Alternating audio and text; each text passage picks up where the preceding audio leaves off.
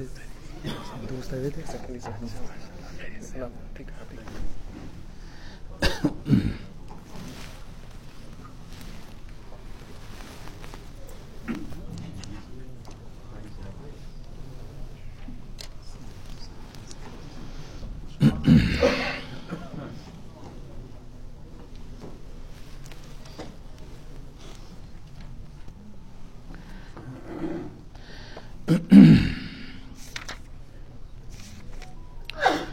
السلام علیکم ورحمۃ اللہ وبرکاتہ۔ انشاءاللہ سورہ انفال کا تیسرا رکو ہے، آیت نمبر بیس سے انشاءاللہ، آیت نمبر ٹوینٹین۔ اعوذ باللہ من الشیطان الرجیم، بسم اللہ الرحمن الرحیم۔ يا أيها الذين آمنوا أطيعوا الله ورسوله ولا تولوا عنه وأنتم تسمعون ولا تكونوا كالذين قالوا سمعنا وهم لا يسمعون إن شر الدواب عند الله الصم البكم الذين لا يعقلون ولو علم الله فيهم خيرا لأسمعهم ولو أسمعهم لتولوا وهم معرضون. يا أيها الذين آمنوا استجيبوا لله وللرسول إذا دعاكم لما يحييكم واعلموا أن الله يحول بين المرء وقلبه وأنه وأنه إليه تحشرون. واتقوا فتنة لا تصيبن الذين ظلموا منكم خاصة واعلموا أن الله شديد العقاب. واذكروا إذ أنتم قليل مستضعفون في الأرض تخافون أن يتخطفكم الناس ۖ أن يتخطفكم الناس فآواكم وأيدكم بنصره ورزقكم من الطيبات لعلكم تشكرون. يا أيها الذين آمنوا لا تخونوا الله والرسول وتخونوا أماناتكم وتخونوا أماناتكم وأنتم تعلمون. واعلموا انما اموالكم واولادكم فتنه وان الله عنده اجر عظيم. صدق الله العظيم غزوہ بدر کا واقعہ گزشتہ آیتوں میں اللہ تبارک و تعالیٰ نے سنایا ہے اور غزوہ بدر کے ضمن میں بہت ساری نصیحتیں اللہ تعالیٰ ارشاد فرما رہے ہیں۔ یہ بات گزشتہ عرض کی گئی تھی کہ اللہ تعالیٰ کی جو نصرت ہے، اللہ کی جو مدد ہے اپنے بندوں کے ساتھ، اس کے اسباب ہیں۔ اور وہ اس کا ایک سب سے بڑا جو سبب ہے، وہ اللہ کی اور اللہ کے رسول صلی اللہ علیہ وسلم کی اطاعت ہے۔ اطاعت پر جیسے آپ حضرات کے ذہن میں وہ واقعہ ہوگا، غزوہ بدر کا۔ کہ حضور اکرم صلی اللہ علیہ وسلم جب مدینے سے نکلے تھے، کوئی جنگ ہونے والی ہے، اس کا کوئی گمان بھی نہیں تھا۔ لیکن جب آپ پہنچے تو وہاں حالات ایسے بنے کہ اب مقابلے کی نوبت آئی اور وہاں صحابہ کی اطاعت۔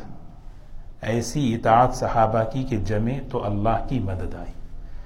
تو اس میں اللہ تبارک و تعالیٰ قیامت تک ایمان والوں کو اللہ تعالیٰ یہ نصیحت فرما رہے ہیں۔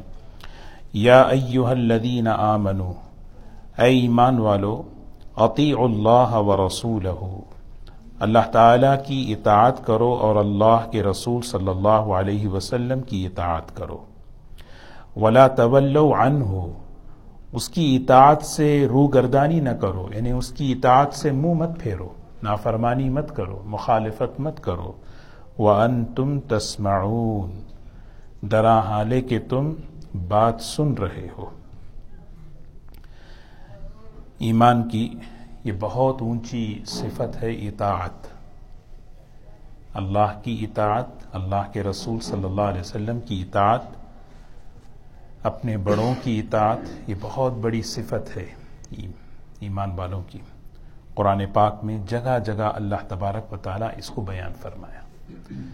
ہمیشہ جو ہے، کوئی بھی بات جب ہم سنیں دین کی، وہ اطاعت کے جذبے سے سننا ہے۔ اور یہاں جو ہے، چار درجے بتا رہے ان دو آیتوں میں۔ ولا تکون کلدین قالو سمعنا۔ ان لوگوں کی طرح مت ہو جاؤ، ان لوگوں کی طرح مت بنو۔ قالو سمعنا۔ جنہوں نے کہا ہم نے سنا، ہم نے سنا۔ حالانکہ وہم لا يسمعون وہ سنے نہیں۔ ان نشر الدباب عند اللہ۔ یقیناً اللہ کے نزدیک بدترین جانور وہ ہے۔ الصم، البکم، جو بہرا ہے، اندھا ہے۔ الذین لا یعقلون، جس کو سمجھ نہیں ہے۔ تو اطاعت بہت بڑی چیز ہے۔ اور اطاعت کہتے ہیں عربی میں خوشی سے ماننا۔ اللہ کی بات کو، اللہ کے رسول صلی اللہ علیہ وسلم کی بات کو خوشی سے ماننا۔ اور اپنے آپ کو اندر سے تیار کرنا۔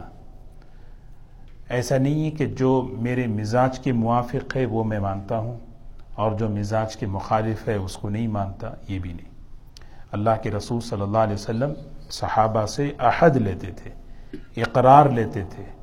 بایعنا رسول اللہ صلی اللہ علیہ وسلم علی السمع والطاعہ صحابہ کہتے تھے، ہم نے آپ کے ہاتھ میں ہاتھ دے کر یہ اقرار کیا، بیعت کی، عہد لیا۔ السمع والطاعہ سنیں گے اور سننا کس لیے؟ مانیں گے۔ سمعنا و اطعنا۔ سورہ بقرہ کا آخری جو رکو ہے، اس میں اللہ تعالیٰ نے ایمان والوں کی صفات بیان فرمائی۔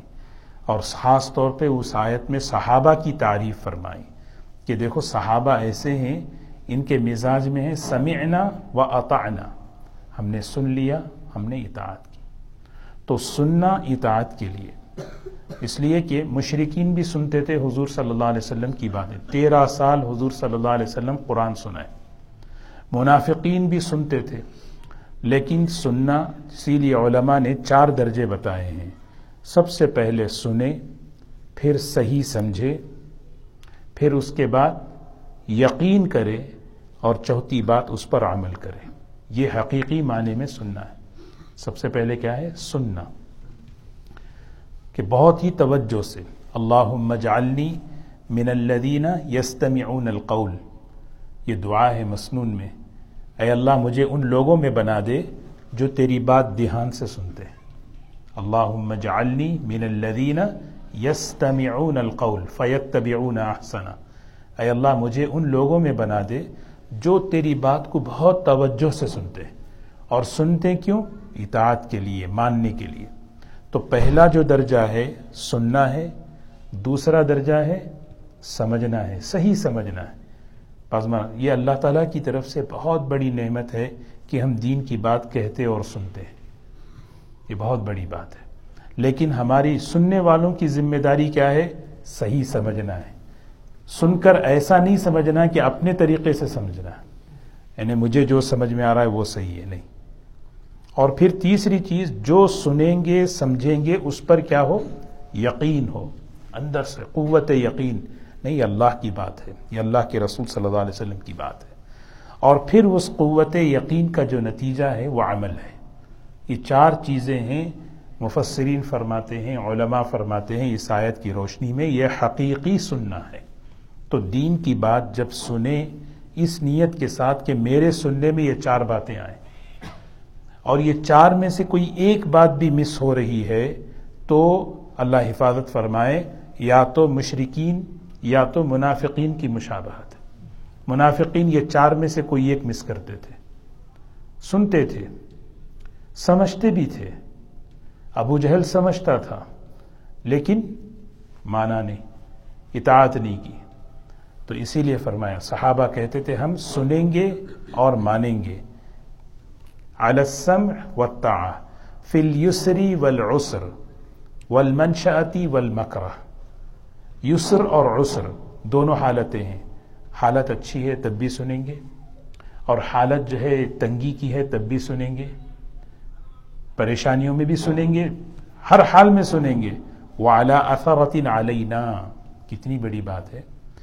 صحابہ کہتے تھے، ہم حضور صلی اللہ علیہ وسلم سے بیعت کیے، ہمیں اگر کبھی پیچھے بھی ہٹا دیں، کسی اور کو آگے کر دیں ہم پر، تب بھی ہم سنیں گے اور مانیں گے۔ یہ صحابہ کی اطاعت تھی۔ اور اللہ تبارک و تعالیٰ ان کی اطاعت کو ہمارے لیے نمونہ بنایا۔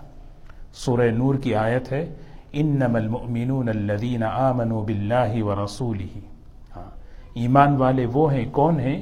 جب ان کے سامنے اللہ کی بات، اللہ کے رسول صلی اللہ علیہ وسلم کی بات کہی جاتی ہے، ان یقولوا سمعنا واطعنا واولئک هم المفلحون. یہ کامیاب ہیں، فوراً کہتے ہیں، ہم سن لی اطاعت کر لی تو ہم اپنے اندر جو ہے، یہ استعداد بنانا، یہ استعداد بہت ضروری ہے۔ اور اس کے لیے محنتیں ہوتی ہیں دنیا میں۔ دعوت و تبلیغ کی محنت ہے، اللہ والوں کی صحبت کی محنت ہے، بزرگوں کے پاس بیٹھنے کی محنت ہے، دین کی مجلس میں یہ محنت کیا ہے؟ جو سنیں گے وہ عمل میں آئے۔ جو سنیں گے وہ عمل میں آئے۔ کیونکہ سنیں اور عمل میں نہیں آئے، بہت بھاری بات ہے۔ ہاں بہت ہی پریشانی ہے۔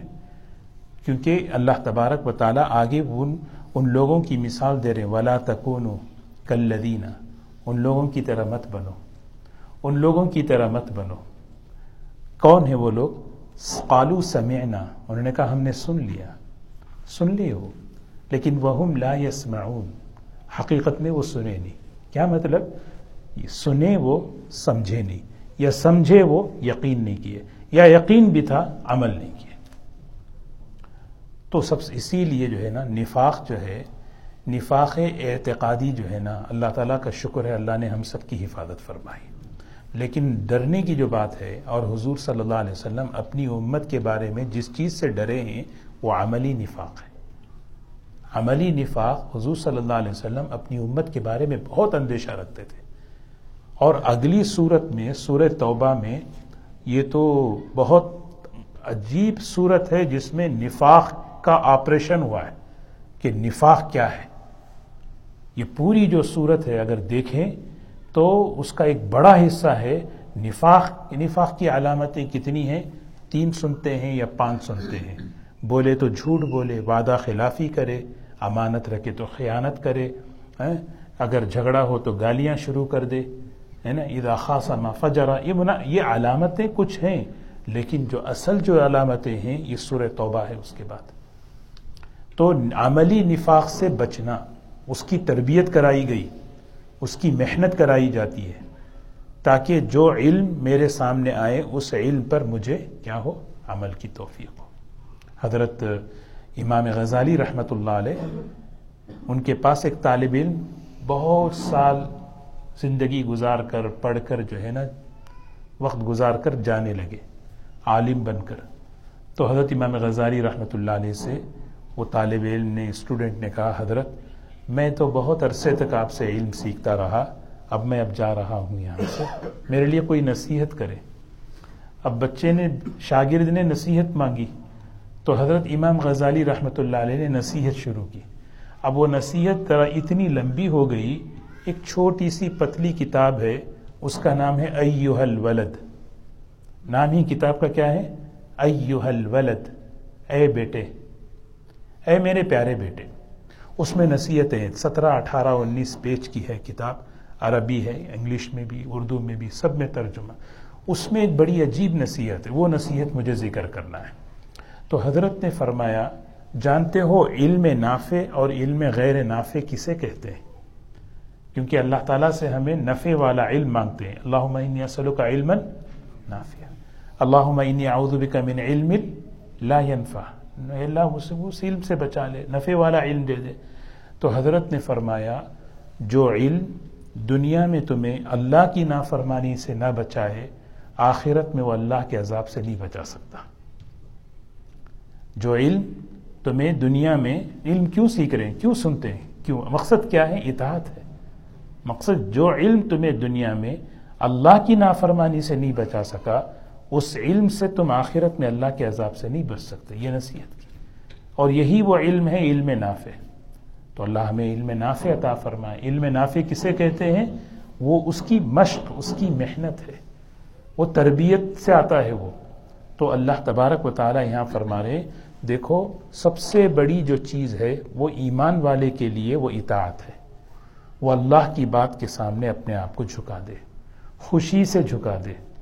اور اللہ کے رسول صلی اللہ علیہ وسلم کی ماننا گویا اللہ کی ماننا ہے اور یہی چیز اللہ کی نصرت کا سبب ہے اور یہ اطاعت ہماری انفرادی زندگیوں میں ہے تو ہماری انفرادی زندگیوں میں اللہ کی مدد رہے گی۔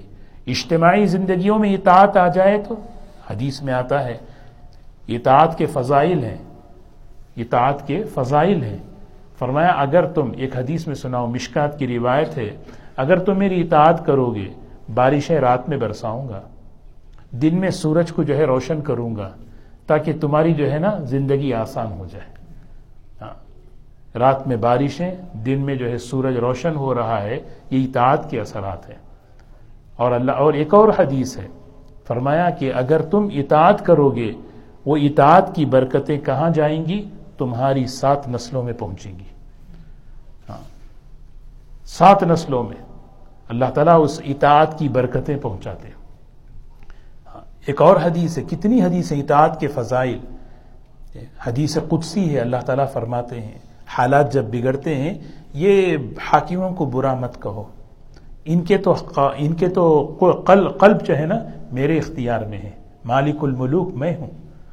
ان العباد اذا اطاعونی حولت قلوب ملوکہم۔ میرے بندوں میں اطاعت آتی ہے بادشاہوں کے دلوں کو میں پلٹتا ہوں۔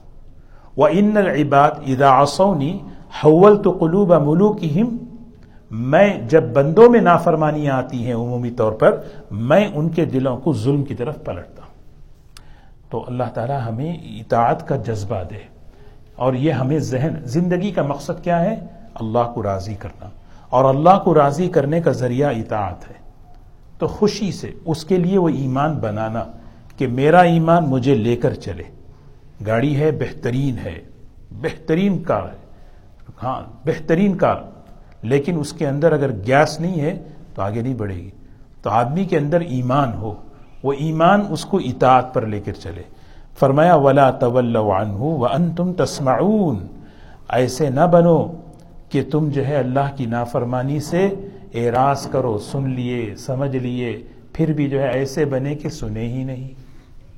سنے ہی نہیں۔ ہاں جو ان لوگوں کی طرح مت بننا قالو سمعنا۔ ایک جگہ قرآن میں فرمایا، مش یعنی اہل کتاب کا جملہ، سمعنا و آسینا ہم نے سن لیا اور ہم نے کیا ہے؟ نافرمانی کی۔ یہ دل کی سختی کی علامت ہے۔ حضور اکرم صلی اللہ علیہ وسلم نے دعا مانگی، اللہم انی اعوذ بکا من القصوتی والغفلتی والعیلتی دل کے جو بیماریاں ہیں نا، اے اللہ، مجھے دل کی سختی سے، دل کی غفلت سے اور دل کی تنگی سے، یا اللہ میں تیری حفاظت مانگتا ہوں۔ اور یہ قصوت قصاوت دل کی یہی چیز ہے۔ ہاں۔ اور پھر فرمایا، جانتے ہو شررت دواب دابا کی جمع دواب ہے۔ دابا کسے کہتے ہیں؟ جانور، جاندار چیز۔ جتنے بھی زمین میں جاندار ہیں، جانور جتنے بھی ہیں، اس میں سب سے بدترین کون ہے؟ امام غزالی رحمۃ اللہ علیہ نے اس کے درجات بتائے۔ ایک جانور وہ ہے، ایک جاندار کون ہے جو کھاتے ہیں، پیتے ہیں، اپنی زندگی گزارتے رہتے ہیں۔ جیسے چڑیا ہے۔ اگر مسجد میں آ جائے تو کسی کو ٹینشن نہیں ہے بھائی وہ آئے گی، گھومے گی، چلے جائے گی۔ اس کا کوئی نہیں۔ لیکن ایک بہت ہے جو درندے ہیں۔ ہاں وہ کیا ہے وہ اپنی بھوک کے لیے، وہ اپنے پیٹ بھرنے کے لیے کسی کو اٹیک کرتے ہیں، تاکہ ان کا پیٹ بھرے۔ لیکن ایک جاندار وہ ہے جو صرف اس کا مقصد ہے نقصان پہنچانا، اور فائدہ اس کا کچھ نہیں ہے۔ جیسے بچھو ہے۔ سانپ ہے۔ سانپ اگر ڈستا ہے تو اس کا پیٹ نہیں بھرتا۔ بچھو ڈستا ہے تو اس کا پیٹ نہیں بھرتا۔ یہ شررت دواب یہ ہے اللہ حفاظت فرمائے۔ انسانوں میں بھی جب انسانیت کی سطح گرنے لگتی ہے تو اس طرح اس کے اندر تنزلی آتی ہے۔ اشرت دباب کون ہے؟ اسم البکم۔ دیکھیے سم بکمن عمیون ایک جگہ فرمایا، استعداد ہی ختم ہو گئی۔ اللہ تعالیٰ جو ہے نا، یہ تین چیزیں دیے ہیں۔ کان دیے، آنکھ دیے، ہے نا، زبان دیے۔ لیکن سمم، بکمن، عمیون، فہم لا یرجعون۔ پھر آگے دیکھیں، اللہ تعالیٰ بڑی عجیب بات فرما رہے اللہ ہم سب کی حفاظت فرمائے، ولو علیم اللہ فیہم خیرن ولو علیم اللہ فیہم خیرن اگر اللہ کے علم میں ہوتا، ان لوگوں کے پاس خیر ہے۔ وہ خیر کیا ہے؟ وہ خیر طلب ہے۔ طلب کو اللہ خیر بتا رہے اگر اللہ تعالیٰ جان لیتے اس بات کو کہ ان کے دلوں میں طلب ہے لَأَسْمَعَهُمْ اللہ انہیں سننے کی توفیق دے دیتے۔ اللہ انہیں ضرور سنا دیتے۔ دیکھو، طلب ہوتی ہے، پھر توفیق ملتی ہے۔ طلب کے بغیر توفیق نہیں ملتی۔ طلب، یہاں یہاں سب سے بڑا مسئلہ کیا ہوا؟ ان کے اندر طلب مٹ گئی۔ ان کے اندر طلب ختم ہو گئی۔ جس کی وجہ سے توفیق اللہ ہٹا لیے۔ آدمی بعض مرتبہ سوچتا نا، آگے جو ہے میں بتاؤں گا، وہ بڑی بڑا بہترین مضمون اللہ تعالیٰ بتا رہے بہت غور کرنے کا ہے۔ یہاں یہی فرمایا، ولو علیم اللہ اگر اللہ تعالیٰ جان لیتے، اللہ کے علم میں بات آتی، ان لوگوں کے دل میں خیر ہے، ضرور اللہ ان کو جو ہے نا توفیق دیتے سننے کی۔ لاسمعہم اللہ سنا دیتے۔ ایسا سنانا جس سے ان کو سمجھ جس کو ان کو یقین اور عمل کی توفیق ہو جاتی۔ ولو اسمعہم لیکن ان میں طلب نہیں ہے۔ ان میں طلب نہیں ہے۔ اب ظاہر سی بات ہے، بغیر طلب کے۔ بہت یعنی سوچیں، اس آیت کو سوچ رکھ کر جو ہے اپنے کو سوچنا ہے۔ دوسروں کو جائزہ نہیں لینا ہے۔ ولو اسمعہم اور اگر اللہ انہیں سنا دیتے، دین کی بات، قرآن کی بات، لتولوا وهم معرضون۔ پھر بھی وہ روگردانی کرتے، اعراض کرتے۔ بعض مرتبہ طلب نہیں ہوتی دل میں توفیق کے اسباب بہت سامنے آتے ہیں۔ طلب مٹی ہوئی ہوتی ہے، کبھی کوئی نصیحت کی بات بیان میں سننے کو ملتا ہے، کوئی بتا دیتے ہیں، کوئی سمجھاتے ہیں، آدمی مانتا ہی نہیں۔ آدمی مانتا ہی نہیں۔ آدمی پریشان بھی یہ مان کیوں نہیں رہا؟ اتنی صاف بات ہے، کیوں نہیں سن رہا؟ وجہ اس کی یہ ہے کہ وہ طلب نہیں ہونے کی وجہ سے توفیق کے جو چیزیں سامنے تھیں، اللہ تبارک و تعالی وہ توفیق کے دروازے بھی سامنے رکھتے ہوئے اللہ تعالیٰ نے کیا کر دیا؟ اس کے دل پہ مہر مار دی۔ تو اسی لیے کبھی بھی جو ہے نا، اپنی جو اپنی جو فطرت ہے، اس کو جو ہے نا مسخ ہونے نہیں دینا ہے۔ اپنی فطرت کو، اپنے اندر کی استعداد کو مرنے نہیں دینا۔ وہ استعداد طلب ہمیشہ باقی رکھنا۔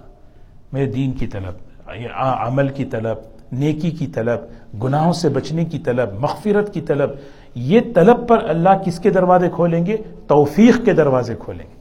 پھر اور جب توفیق کے دروازے کھلتے ہیں تو نیکیوں میں آگے بڑھتا جاتا ہے۔ لیکن جب وہ اندر کی استعداد مر جاتی ہے نا، دیکھیے نا، یہ لوگ حضور صلی اللہ علیہ وسلم کا قرآن سنتے تھے۔ یہ لوگ حضور صلی اللہ علیہ وسلم کا خطبہ سن رہے ہیں۔ کیا وجہ؟ یعنی نبی صلی اللہ علیہ وسلم کا خطبہ سننا کتنی بڑی توفیق کی علامت۔ لیکن طلب نہیں ہونے کی وجہ سے اتنی بڑی بات سن کر بھی وہ نہیں یہ راز کر رہے تھے۔ سمجھ رہے بات؟ یہ ہے اصل چیز۔ یا یا ایوہ الذین آمنوا اے ایمان والو، استجیبوا للہ وللرسول اذا دعاکم۔ اللہ اور اس کے رسول صلی اللہ علیہ وسلم جب پکارے تو جواب دو۔ یعنی ایک مسلمان کا دوسرے مسلمان پہ حق ہے۔ اگر کوئی دعوت دے تو کیا کرے؟ قبول کرے۔ یہاں اللہ دعوت دے رہے۔ اللہ کے رسول صلی اللہ علیہ وسلم دعوت دے رہے۔ حضرت ابئی ابن کاب رضی اللہ تعالیٰ، کتنا بہترین نام ابئی بعض صحابہ کے نام رکھتے نہیں ابئی بہت اچھا نام ہے۔ ابئی صحابہ میں سب سے بہترین قاری ہیں۔ ابئی اقرأہم ابئی ابن کعب۔ سب سے بہترین قرآن پڑھنے والے ابئی ابن کعب۔ حضرت ابئی ابن کعب رضی اللہ تعالیٰ نماز پڑھ رہے۔ ہیں حضور صلی اللہ علیہ وسلم نے پکارا، ابئی ادھر آؤ۔ پریشان ہو گئے، میں نماز پڑھ رہا ہوں، کیا کروں؟ سمجھ میں نہیں آ رہا۔ اگر نماز توڑ دوں تو کیا ہوگا؟ پریشان ہو گئے۔ تو فوراً نماز مکمل کر کے گئے۔ ابئی کیوں نہیں آئے؟ کہا، میں نماز میں تھا۔ ابئی کیا تم نے نہیں سنا؟ استجیبوا للہ وللرسول اذا دعاکم۔ اللہ اور اس کے رسول صلی اللہ علیہ وسلم جب پکارے تو جواب دو۔ تو جواب دینے کے لیے تمہیں نماز توڑ کے آنا چاہیے تھا۔ اور اسی طرح والدہ، والدین، اگر مثال کے طور پر فرض نہیں، فرض کے علاوہ بھی اگر نفل میں کوئی ہے، والدین اگر پکار رہے ہیں تو فوراً کیا ہے؟ جائیں، ان کی ان کی بات سنیں اور پھر آ کر اپنی نماز مکمل کریں۔ حتیٰ کہ اس پر فقہا نے لکھا ہے، اگر کبھی ہم سفر میں نماز پڑھ رہے ہیں، راستے میں نماز پڑھ رہے ہیں، جوتے رکھے ہوئے ہیں، جوتے رکھے ہوئے نماز پڑھ رہے ہیں، کوئی جوتا اٹھا کے لے جا رہا ہے یہ نہیں دیکھیں کہ یہ جارڈن کے ہیں یا یہ نہیں مطلب یہ سمپل جوتے ہیں۔ نہیں جوتے جوتے ہیں، کیونکہ بغیر جوتوں کے میں گھر تک نہیں چل سکتا۔ تو بس اگر کوئی جوتا اٹھا کے لے جا رہا ہے، بس نماز توڑے، اس جوتے کو پکڑے۔ بھائی، میرے جوتے کہاں جائے نہیں نہیں نہیں، اخلاص سے نہیں، بھی جانے دو، ایسا نہیں۔ سمجھ رہے نا؟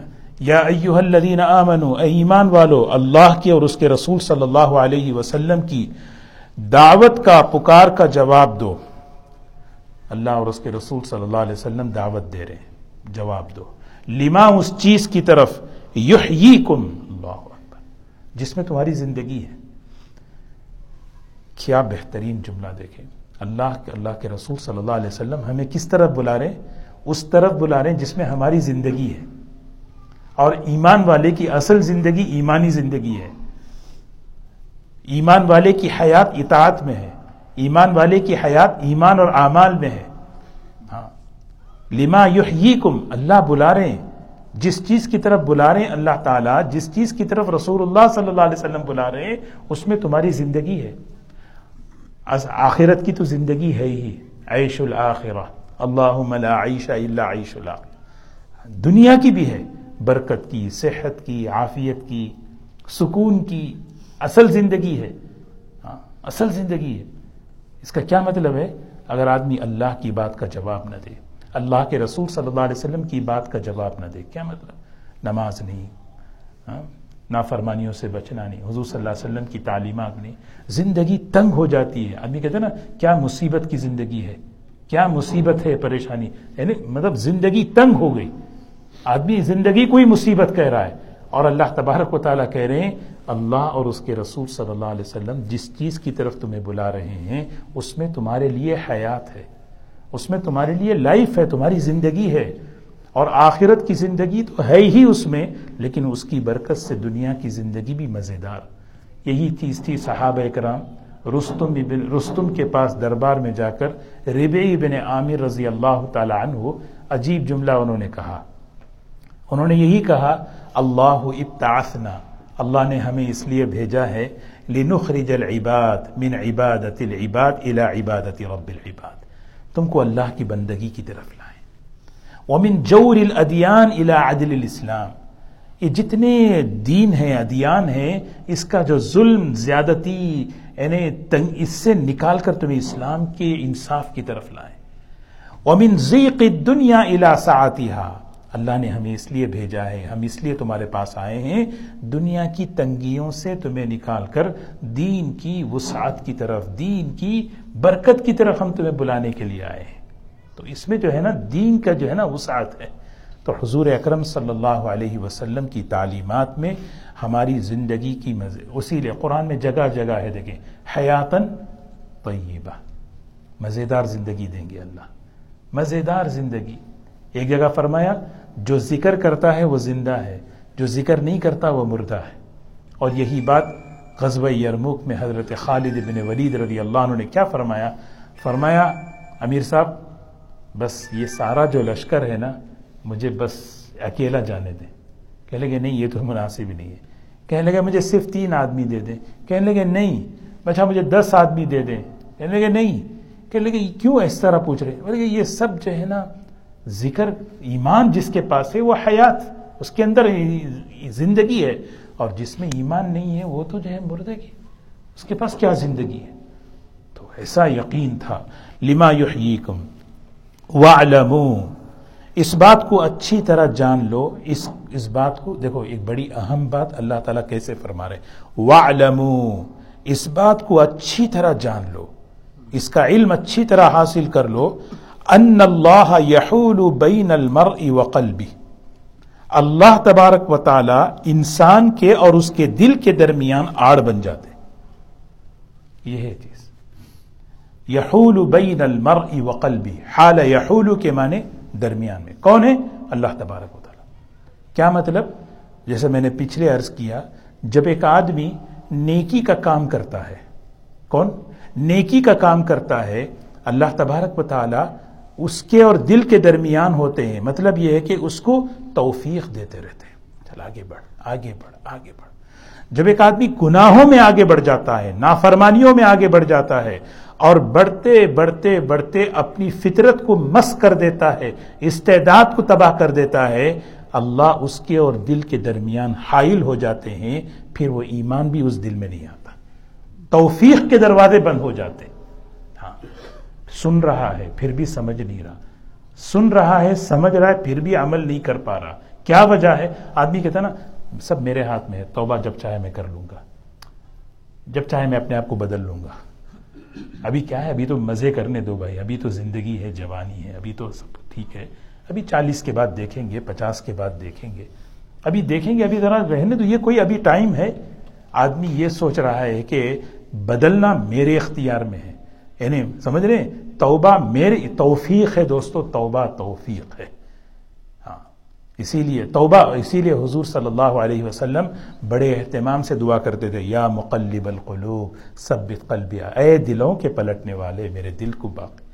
میرے اے دلوں کے پھیرنے والے، اے دلوں کے پھیرنے والے۔ پھر کہتے تھے، اللہ کے دل، اللہ، انسان کا دل، اللہ تعالیٰ کے دو ہاں انگلیوں، کما یلی قشان ہو جیسے اللہ کی شان ہے۔ حضور اکرم صلی اللہ علیہ وسلم مثال دے رہے ہیں۔ اس بات کو اچھی طرح جان لو، ان اللہ، یقیناً اللہ تعالی، یحول بین المرء وقلبه بندے کے دل، بندے انسان اور اس کے دل کے درمیان آڑ بن جاتے ہیں۔ آڑ کیسے بنتے ہیں؟ ایک آدمی نیکیوں میں، خیر کے کاموں میں بڑھ رہا ہے، وہاں باطل آ نہیں پائے گا۔ اگلی آیت میں اس کا جملہ ہے، اس کا مضمون اور ہے۔ جب ایک آدمی دین میں، خیر کے کاموں میں آگے بڑھتا نا وہاں اللہ تعالیٰ اللہ اس کے جو ہے دل کے اندر باطل گھسنے نہیں دیتے۔ اور جب ایک آدمی اپنی فطرت کو تباہ کر لے، گناہ کرتے کرتے کرتے اپنی استعداد ضائع کر لے، وہاں اللہ ایمان داخل ہونے نہیں دیں گے۔ وہاں خیر کی بات داخل ہونے نہیں دیں گے۔ اسی لیے ہمیں کیا ہے، کبھی بھی حضرت جابر رضی اللہ عنہ اپنے بیٹے کو نصیحت کر رہے ہیں، بیٹا، کسی بھی نیکی کو چھوٹی مت سمجھ، کیونکہ کس نیکی میں اللہ نے اپنی رضا چھپائی ہے پتا نہیں اور کسی گناہ کو معمولی مت سمجھ کس گناہ میں اللہ اپنا غصہ چھپایا تجھے کیا معلوم؟ ہے چھوٹا گناہ ہے، بڑا گناہ۔ کس گناہ میں اللہ نے اپنا غضب چھپایا؟ چھوٹی نیکی، لا تحقرن من المعروف شیئا۔ مسجد سے جو ہے نا، تین کا بھی اٹھانا، اس کو معمولی مت سمجھو۔ پتہ نہیں اس کے اندر اللہ نے ہماری مغفرت کا سامان رکھ دیا ہے اور ہمارا بیڑا پار ہو گیا۔ تو آدمی میں طلب ہوتی ہے تو اس طرح دے دو والمو یقیناً جان لو ان اللہ بے شک اللہ تعالی یحول بین المرء وقلبی، انسان کے اور اس کے دل کے درمیان آڑ بن جاتے ہیں۔ وہ ان نہ شرون اور یقیناً اسی کی طرف سب کو لوٹ کر جانا ہے۔ جیسے بات عرض کی گئی کہ اللہ کی نصرت اور اللہ کی مدد کے اسباب اطاعت ہے دیکھیے اس میں۔ اور اطاعت اور فرما برداری یہ پورا مضمون اگر دیکھیں، آج کا جو رکو ہم پڑھ رہے ہیں، اس کا اگر خلاصہ، اگر ایک ایک جملے میں اگر ہمیں سمجھنا ہے، بھائی اطاعت ہے۔ اللہ کی ماننا، اللہ کے رسول صلی اللہ علیہ وسلم کی ماننا۔ ہاں۔ اور ماننا، طلب کے ساتھ ماننا۔ ہاں۔ اور فوراً اگر جو ہے کمی بیشی ہو، اللہ سے معافی مانگنا۔ اور اطاعت اب اچھا اللہ کی مدد کے لیے خود کی خود کی زندگی میں اطاعت ہو، جیسا انفرادی مدد۔ اجتماعی مدد جو بدر میں آئی، وہ کیسی تھی؟ پورے ماحول میں اطاعت تھی۔ تین سو تیرہ صحابہ کھڑے ہو گئے۔ تین سو تیرہ صحابہ، آپ ہمیں اوپر سے حکم دے کود دیں گے چولانگ لگا دیں گے، اطاعت پر آ گئے۔ سمجھ رہے؟ تو اسی لیے ہمیشہ ہر ایمان والے کی یہ ذمہ داری ہے، اپنے ماحول میں، چاہے وہ گھر کا ہو، چاہے جس کمیونٹی میں ہم رہتے ہیں، اس کی فکر کرتے رہنا۔ کہ یہاں اللہ کی نافرمانی نہ ہو۔ اس کی فکر کرنا۔ نہیں بھائی، میں اچھا رہوں کافی ہے۔ نہیں۔ کیونکہ اگر تم نیک ہو اور دوسرا برائیوں کا ماحول ہے اور اس میں اگر تم نے اس کی کسی بھی لائن سے، کسی جو ہمارے سے ہو سکتا ہے، مختلف قسم کی محنتیں چل رہی ہیں ہاں اس محنت میں شریک ہو کر اپنے آپ کو جو ہے نا، میرا مقصد ہے، نہیں بھائی، اللہ کی نافرمانی نہ ہو۔ اگر یہ کام نہیں کیے تو ہوگا کیا؟ پھر آگے اس کا اعلان کر رہے ہیں۔ وہ تقو اس بات سے ڈرو۔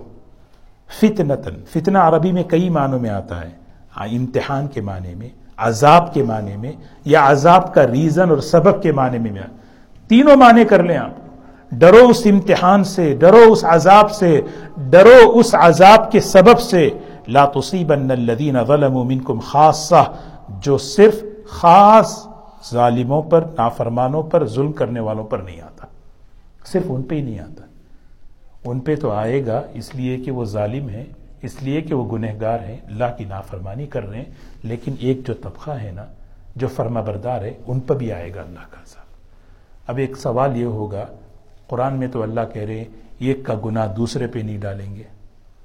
ایک کا گناہ دوسرے پہ کیوں بھائی؟ گناہ یہ کر رہے ہیں، ان کو کیوں اللہ پکڑ رہے ہیں؟ ان کو کیوں پکڑ رہے ہیں؟ تو اس کا جواب مفسرین نے دیا ہے کہ اس کے ہمارے دو کام ہیں۔ ایک، اپنی ذات سے کیا کرنا ہے؟ اپنے آپ کو محنت کر کے، اپنے آپ پر محنت کرنا اور اللہ کی نافرمانی سے بچنا۔ دوسرا، ہمارے ذمے یہ بھی ہے، ہم ماحول میں محنت کرنا۔ یہاں ایک کام تو ہوا، دوسرا کام چھوٹا ہے۔ اور دوسرا یعنی سیدھی سیدھی بات ہے، امر بالمعروف اور نہیں انل منکر کی طرف اشارہ ہے۔ اگر تم یہ کام نہیں کرو گے، تو جب اللہ کی پکڑ آئے گی، اللہ کی طرف سے نافر کسی بھی شکل میں آ سکتی ہے۔ اللہ تعالیٰ کی پکڑ، اللہ کی شکل، اللہ تعالیٰ کی جو ہے نا، کسی بھی شکل میں آ سکتی ہے۔ ہاں۔ جب آئے گی، تو صرف خاص لوگوں پہ نہیں آئے گی۔ ہاں۔ اسے کہیں ظلم ہو رہا ہے۔ اب ظلم کو دیکھ رہے ہیں۔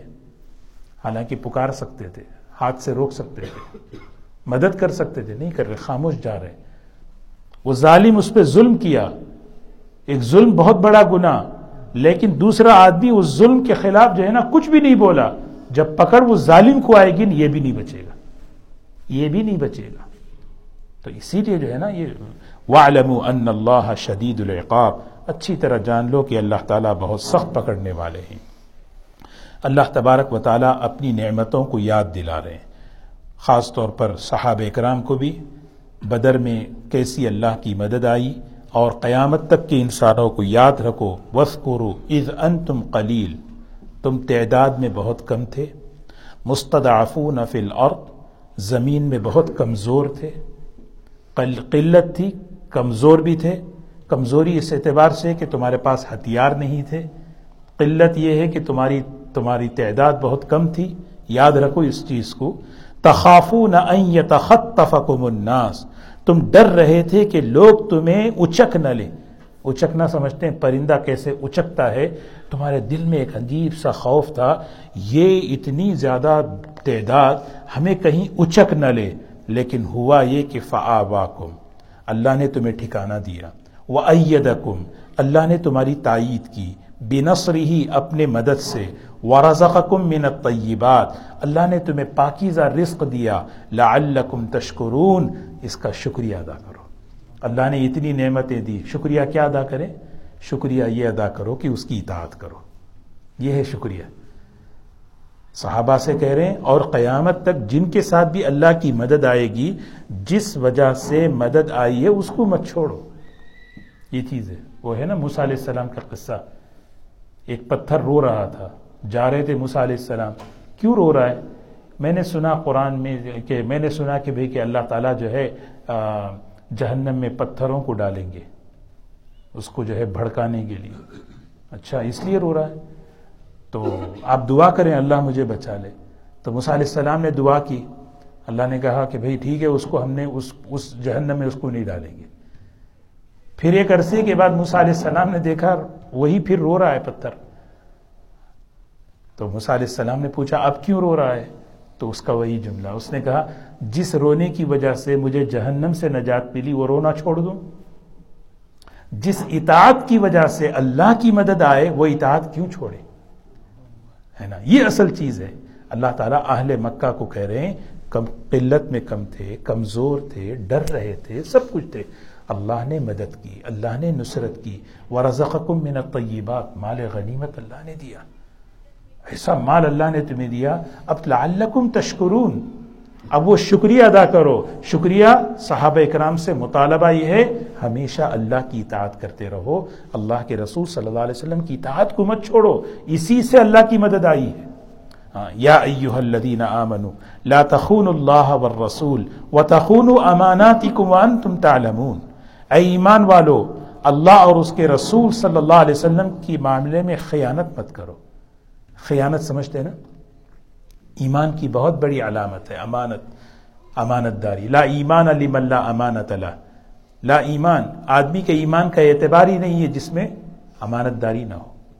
اللہ کے معاملے میں امانت، خیانت نہیں ہونا۔ ہے اللہ کا دین امانت ہے، قرآن امانت ہے، حدیث امانت ہے۔ صحابہ جو ہے، صحابہ کرام جب حدیث بولتے تھے تو آنکھوں سے آنسو آ جاتے تھے۔ حدیث جب ارشاد فرماتے تھے، حضرت عبداللہ ابن مسعود رضی اللہ عنہ، آپ نے ایسا کیا ہوگا۔ یعنی امانت کی بات ہے۔ ایک مرتبہ اسلام کے پانچ جو ہے نا، ارکان بیان کیے۔ ہاں تو مجمع میں کسی نے اس سیکوینس کو بدل دیا۔ اسلام کے پانچ پلر ہیں۔ کلمہ نماز رود ہے نا، صرف حضرت عبداللہ ابن مسعود رضی اللہ عنہ نے فرمایا، نہیں نہیں۔ جس طرح حضور صلی اللہ علیہ وسلم نے جس سیکوینس سے بیان کیا، وہ اسی طرح بیان کرو۔ یہ امانت ہے۔ دین امانت ہے، حدیث امانت ہے۔ ایسا نہیں کہ جو چاہے بولیں جیسے چاہے بولتے رہیں اللہ کے معاملے میں، اللہ کے رسول صلی اللہ علیہ وسلم کے معاملے میں خیانت مت کرو۔ و تخون امانات اور آپس کے معاملات پہ بھی خیانت مت کرو۔ ہمیں بھی ہم ایک ایک واقعے کی طرف اشارہ ہے۔ ایک صحابی ہیں، حضرت ابو لبابا رضی اللہ تعالیٰ بنو قریضہ کے تھے، ان کی بیوی بچے وہاں رہتے تھے۔ ایک معاہدہ ہوا تھا حضور صلی اللہ علیہ وسلم کا بنو قریضہ کی یہودیوں کے ساتھ۔ تو انہوں نے عہد کو توڑ دیا یہودیوں نے۔ تو حضور صلی اللہ علیہ وسلم مسجد میں بیٹھ کر ایک فیصلہ کیے۔ ایک فیصلہ کیے۔ وہ ہوا یہ کہ ابو لبابا وہ راز جو ہے کھول دیے۔ سیکریٹ تھا حضور صلی اللہ علیہ وسلم کا۔ بھئی بنو قریضہ کے ساتھ یہ فیصلہ ہے۔ وہ ابو لوگ کیوں؟ ذرا انہوں یہ سوچ رہے تھے کہ شاید میرے بی بچوں کے ساتھ یہ لوگ کچھ نرمی کا معاملہ کریں گے۔ انہوں نے جا کر اشارتن وہ بھی منہ سے نہیں اشارتن انہوں نے راز کو جو ہے نا بتا دیا۔ جیسے ہی بتایا، فوراً انہیں جو ہے نا عجیب سی ایک کیفیت، یا اللہ، میں نے کیا؟ میں نے اللہ کے رسول صلی اللہ علیہ وسلم کی امانت کو، ان کے راز کو میں نے بتا۔ فوراً وہ پیچھے سے آئے، مسجد میں آئے مسجد نبوی میں ریاض الجنہ ریاض الجنہ میں مسجد میں تو کئی جو ہے نا پلر ہیں، ایک پلر ہے ریاض الجنہ کے پاس، وہ ہے اس توان ابی لبابا آج بھی ہے۔ وہاں آ کر اس پلر پہ وہ اپنے آپ کو جو ہے باندھ دیے اور باندھ کر رونے لگے کہ میں نے اللہ کے رسول صلی اللہ علیہ وسلم کا راز کھول دیا، میں گنہگار ہوں۔ جب تک اللہ میری توبہ نہیں کرے گا، براہ راست اس وقت تک میں اپنے آپ کو کھولوں گا۔ حضور صلی اللہ علیہ وسلم نے فرمایا میرے پاس اگر ابو لبابا آ جاتے، میں انہیں معاف کر دیتا۔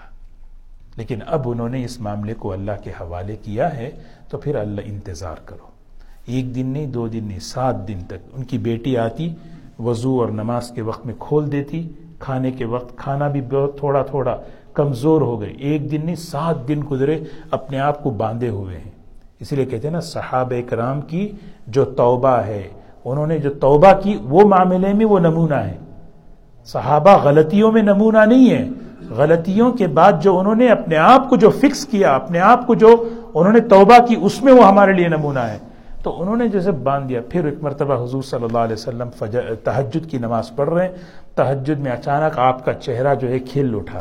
آپ کا مسکرا رہے تھے۔ ام سلمہ رضی اللہ تعالی عنہ کے حجرے میں تھے اس وقت۔ حضرت ام سلمہ نے پوچھا، یا رسول اللہ صلی اللہ علیہ وسلم، آپ اتنے مسکرا کیوں رہے فرمایا، اللہ نے ابو لبابا کی توبہ کو قبول کر لیا اور آیت اتاری قرآن پاک کی. دیکھو، توبہ کیسی ہے کہ ان کے لیے آیت اتر رہی ہے، سورہ توبہ میں ہے، وَآخَرُونَ اعْتَرَفُوا بِذُنُوبِهِمْ خَلَطُوا عَمَلًا صَالِحًا وَآخَرَ سَيِّئًا عَسَى اللَّهُ أَن يَتُوبَ عَلَيْهِمْ۔ اللہ نے آیت اتاری ہے۔ تو ام سلمہ رضی اللہ عنہ نے فرمایا، آپ اجازت دے تو میں بتا دوں؟ کیونکہ حجرہ ایسے ہوتے تھے نا، ڈور کھولتے ہی مسجد تھی، اور اس وقت حجاب کی آیتیں بھی نازل نہیں ہوئی تھی۔ آپ اجازت دیں تو میں بتا دوں؟ کہا، ٹھیک ہے، بتا دو۔ کہا، ابو لبابا اللہ نے تمہاری توبہ اتاری ہے۔ فرمایا، الحمدللہ، لیکن میں نہیں، جب تک حضور صلی اللہ علیہ وسلم آ کے نہیں کھولیں گے، میں نہیں کھولوں۔ حضرت فاطمہ چھوٹی تھی، وہ، نہیں نہیں، مجھے کوئی نہیں، کوئی کھولے نہیں، بس جب تک حضور صلی اللہ علیہ وسلم اپنے ہاتھ سے نہیں کھولیں گے یعنی ایک ہوتا نا، میں نے اتنا بڑا کام کر دیا، اب میں چاہتا ہوں کہ پریکٹیکلی آپ میرے سے رضامندی کا بھی ایک جو ہے نا، ایک مشاہدہ ہو جائے۔ تو حضور اکرم صلی اللہ علیہ وسلم تشریف لائے اور آ کر آپ نے جو ہے اس رسی کو کھولا۔ تو وہ ہے اصل میں تذکرہ، لیکن تفسیر کا ایک اصول ہے، قرآن پاک کی آیات واقعے کے ضمن میں نازل ہوتی ہیں، لیکن اس کا سبق قیامت تک کے لیے۔ اے ایمان والو، اللہ کی، اللہ کے رسول صلی اللہ علیہ وسلم کی امانتوں میں خیانت مت کرو و تخون و امانت، آپس کی امانتیں، آپس کے حقوق لینا دینا، آپس کی چیزوں میں، ہے نہیں؟ ہاں۔ تخون و وہاں بھی جو خیانت نہیں کرو۔ خیانت سے ٹرسٹ اٹھ جاتا ہے۔ اسی لیے حضور صلی اللہ علیہ وسلم کو امین کہلوایا۔ جتنا امانت دار اتنا ٹرسٹی آدمی۔ اتنا ٹرسٹفل، اتنا اعتماد۔ ہاں علماء نے لکھا ہے زبان کا جو ٹرسٹ ہے، زبان کا جو اعتماد ہے، سچائی پر اور امانت داری پہ آتا ہے۔ عبادت نہیں۔ سب جتنا سچا، جتنا امانت دار، اتنا آدمی اعتماد والا۔ اور حضور صلی اللہ علیہ وسلم کو چالیس سال تک یہ امین، صادق کہلوایا گیا۔ کیونکہ جو جملہ آپ کہنے والے تھے نا، وہ کون سا جملہ تھا؟ جس کے بارے میں مشرقین کہتے تھے ہاں؟ ان نہاد لشی ان عجاب. بڑا عجیب جملہ ہے یہ۔ کون سا جملہ؟ لا الہ الا اللہ۔ ایک اللہ سے ہم تو تین سو ساٹھ مشرقی بت رکھے ہوئے ہیں جو ہے کہاں پہ؟ کہاں پہ؟ بیت اللہ کے اندر۔ تین سو ساٹھ بت رکھے ہوئے ہیں۔ ان سے مانگ رہے ہیں۔ وہ بھی ہمارے پرابلم دور نہیں ہو رہے۔ ایک سے کیسے ہوگا؟ جو حضور صلی اللہ علیہ وسلم نے کہا، لا الہ الا اللہ، تفلحو، کامیاب ہو جاؤ گے تو لوگ کیسے جو ہے نا آپ کی بات کو ماننے لگے؟ جن کے دلوں میں سعادت تھی وہ قبول کیوں؟ بھئی یہ آدمی معتمد ہے۔ اس پہ اعتماد کر سکتے ہیں آپ۔ اس پہ اعتماد کر سکتے ہیں، اس پہ ٹرسٹ کر سکتے ہیں۔ تو وہی بات فرمائی۔ اور خاص طور پہ امانت میں خیانت جو ہے مالیات میں ہوتا ہے۔ اور مال میں گڑبڑ جو ہے نا جو ہوتی ہے، دو وجہ سے ہوتی ہے۔ یا تو مال کی محبت یا اولاد کی محبت۔ خیانت جو ہے نی، یہ مالیات میں ہے۔ اور مالیات میں جو گڑبڑ ہوتی دو وجہ اس کی، یا تو مال کی محبت ہے فطری طور، یا نہیں تو بچوں کے لیے آدمی گڑبڑ کر لیتا تو اللہ تعالیٰ فرما رہے دیکھو وہ اچھی طرح جان لو، انما اموالکم و اولادکم فتنہ یہ بات ذہن میں رکھ لو، تمہارا مال، تمہاری اولاد فتنہ ہے۔ فتنہ آزمائش ہے۔ یہاں بھی وہی معنی، فتنہ آزمائش ہے۔ امتحان لے رہے ہیں اللہ تعالیٰ۔ ہاں، امتحان لے رہے ہیں کہ اس امتحان میں کہیں آ کر تم خیانت نہ کر بیٹھو۔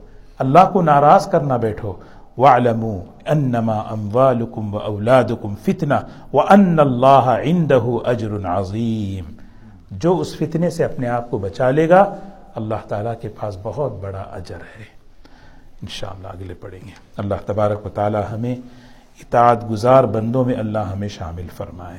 اللہ ہمیں اطاعت گزار بندوں میں شامل فرمائے۔ اطاعت کی خیر و برکتیں اللہ ہمیں ہماری نسلوں کو اللہ تعالیٰ عطا فرمائے۔ سبحان اللہ بحمدی سبحانک اللہم بحمدی نشہد ان لا الہ الا انت، نستغفرک و نتوب الیک۔ اللهم صل على سيدنا محمد عبدك ورسولك وصل على المؤمنين والمؤمنات والمسلمين والمسلمات۔ اللهم إنا نسألك العفو والعافية في الدنيا والآخرة اللهم إنا نسألك الهدى والتقى والعفاف والغنى اللهم اشف مرضانا ومرضى المسلمين. اللهم اشف مرضانا ومرضى المسلمين. رب ارحمهما كما ربياني صغيرا. ربنا آتنا في الدنيا حسنة وفي الآخرة حسنة وقنا عذاب النار. سمعنا وأطعنا غفرانك ربنا وإليك المصير. سبحان ربك رب العزة عما يصفون. وسلام من المرسلين. والحمد لله. جزاك الله خير.